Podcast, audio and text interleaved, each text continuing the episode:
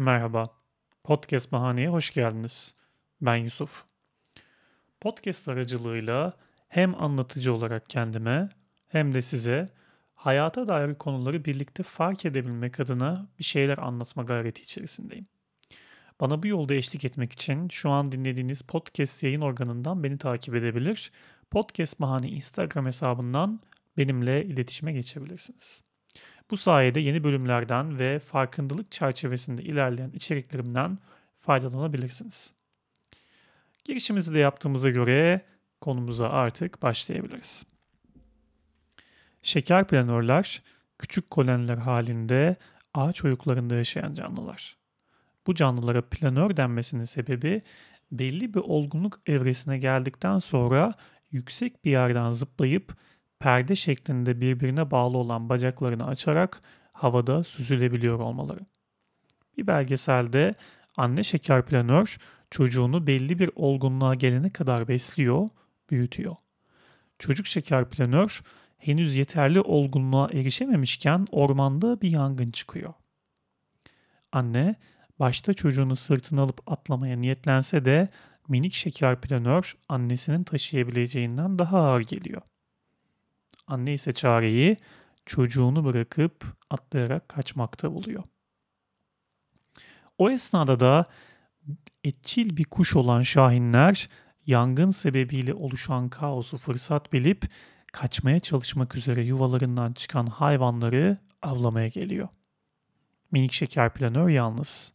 Tek yapabileceği şey daha önceden hiç denemediği bir şey. Ağaçtan ağaca atlayarak yangından kaçmak. Başka çaresi de yok aslında. Dahası kurtulabileceğine dair hiçbir bilgisi yok. Önü tamamen karanlık, belirsiz. Bugün sizinle belirsizlik üzerine konuşmak istiyorum. Girişte böyle bir hikaye tercih etmemin sebebi belgesel izlerken şeker planör ile insanlar arasında bir benzerliğin farkına varmak. Hepimiz kriz anlarını yaşıyoruz, belirsizlikle karşı karşıya kalıyoruz. Hayvanlarla insanlar arasında bir örnek verildiğinde genelde farklılığı insan olarak bizim akıl yürütebilmemizde ararız. Evet, bu yanlış bir şey değil. Hayvanlara göre daha fazla akıl yürütme yeteneğimiz var. Ama bu bizim lanetimizde olabilir. Özellikle de kriz anı gibi belirsizliğin yüksek seviyede olduğu anlarda. Kafanız karıştıysa eğer şöyle bir örnekle devam edeyim. Bir markete gittiğinizi düşünün girişte bir standta 3 çeşit çikolatanın sunulduğunu görüyorsunuz ama stoklarla sınırlı bir ürün olduğundan yalnızca bir ürün almanıza izin veriliyor. Biraz daha dolaşıyorsunuz ve aynı marka çikolatadan 20 çeşidin sunulduğu başka bir standta daha karşılaşıyorsunuz. Hangisi daha çok cezbedici gelirdi size?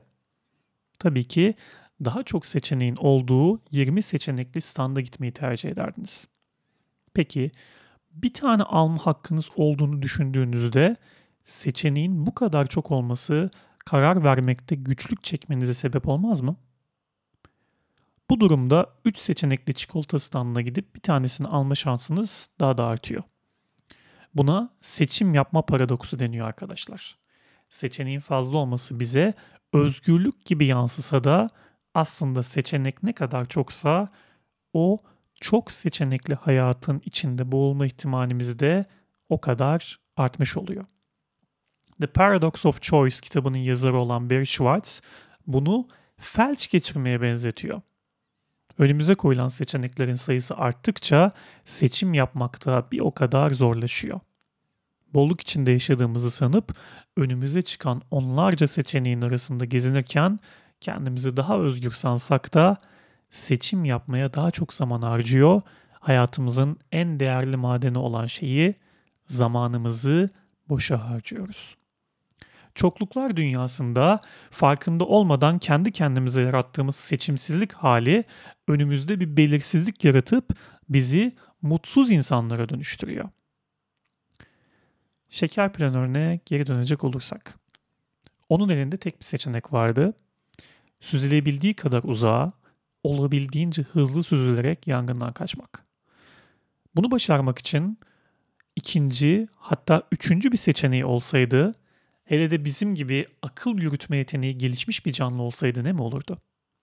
belki de en iyi seçeneği hesaplamaya kalkarken zamanın ne kadar çabuk geçtiğini anlamaz, sonunda o alev çemberinin içinde nefessiz kalarak veya daha da kötüsü yanarak can verirdi. Peki belgeseldeki şeker planörüne ne oldu diye soracak olursanız o tek seçeneği olan süzülme yeteneğini kullanarak yangından sağ salim çıkmayı başardı. Kendine yeni bir hayat kurdu ve sadece önüne baktı. Çünkü beyninin ön lobu bir insanınki kadar gelişmediği için geleceğe dair bizim gibi kaygı hissetmesi de pek mümkün değildi. Onun için belirsizlik yoktu. Kriz anında ise kullanabileceği tek güçlü yönü vardı. Bazen birçok seçeneğe sahip olmak, hangisini seçeceğimizi düşünürken kendi kendimize bir seçim paradoksu, bir kaos yaratmamıza sebep olabilir. İçimizde büyüttüğümüz o yemyeşil ormanda yükselen alevler, etrafımızı tamamen sarmadan yapabileceğimiz şey, belki de o seçenekleri daha da azaltmak, bir şeker planörü gibi güçlü olan yönümüze sarılarak ilerlemeye çalışmaktır. Kim bilir. Önünüze birçok podcast bölümü çıkmasına rağmen beni dinlemeyi seçtiğiniz için teşekkür ederim. Umarım bir faydası olmuştur. Bahsettiğim belgeselin adını, hangi bölümde bu olayın geçtiğini açıklamalar kısmına bırakıyorum. Dilerseniz bölümü izleyip düşüncelerinizi, hissettiklerinizi benimle Instagram'dan paylaşabilirsiniz. Haftaya yeni bir bölümde görüşmek dileğiyle kendinize ve çevrenize iyi bakın.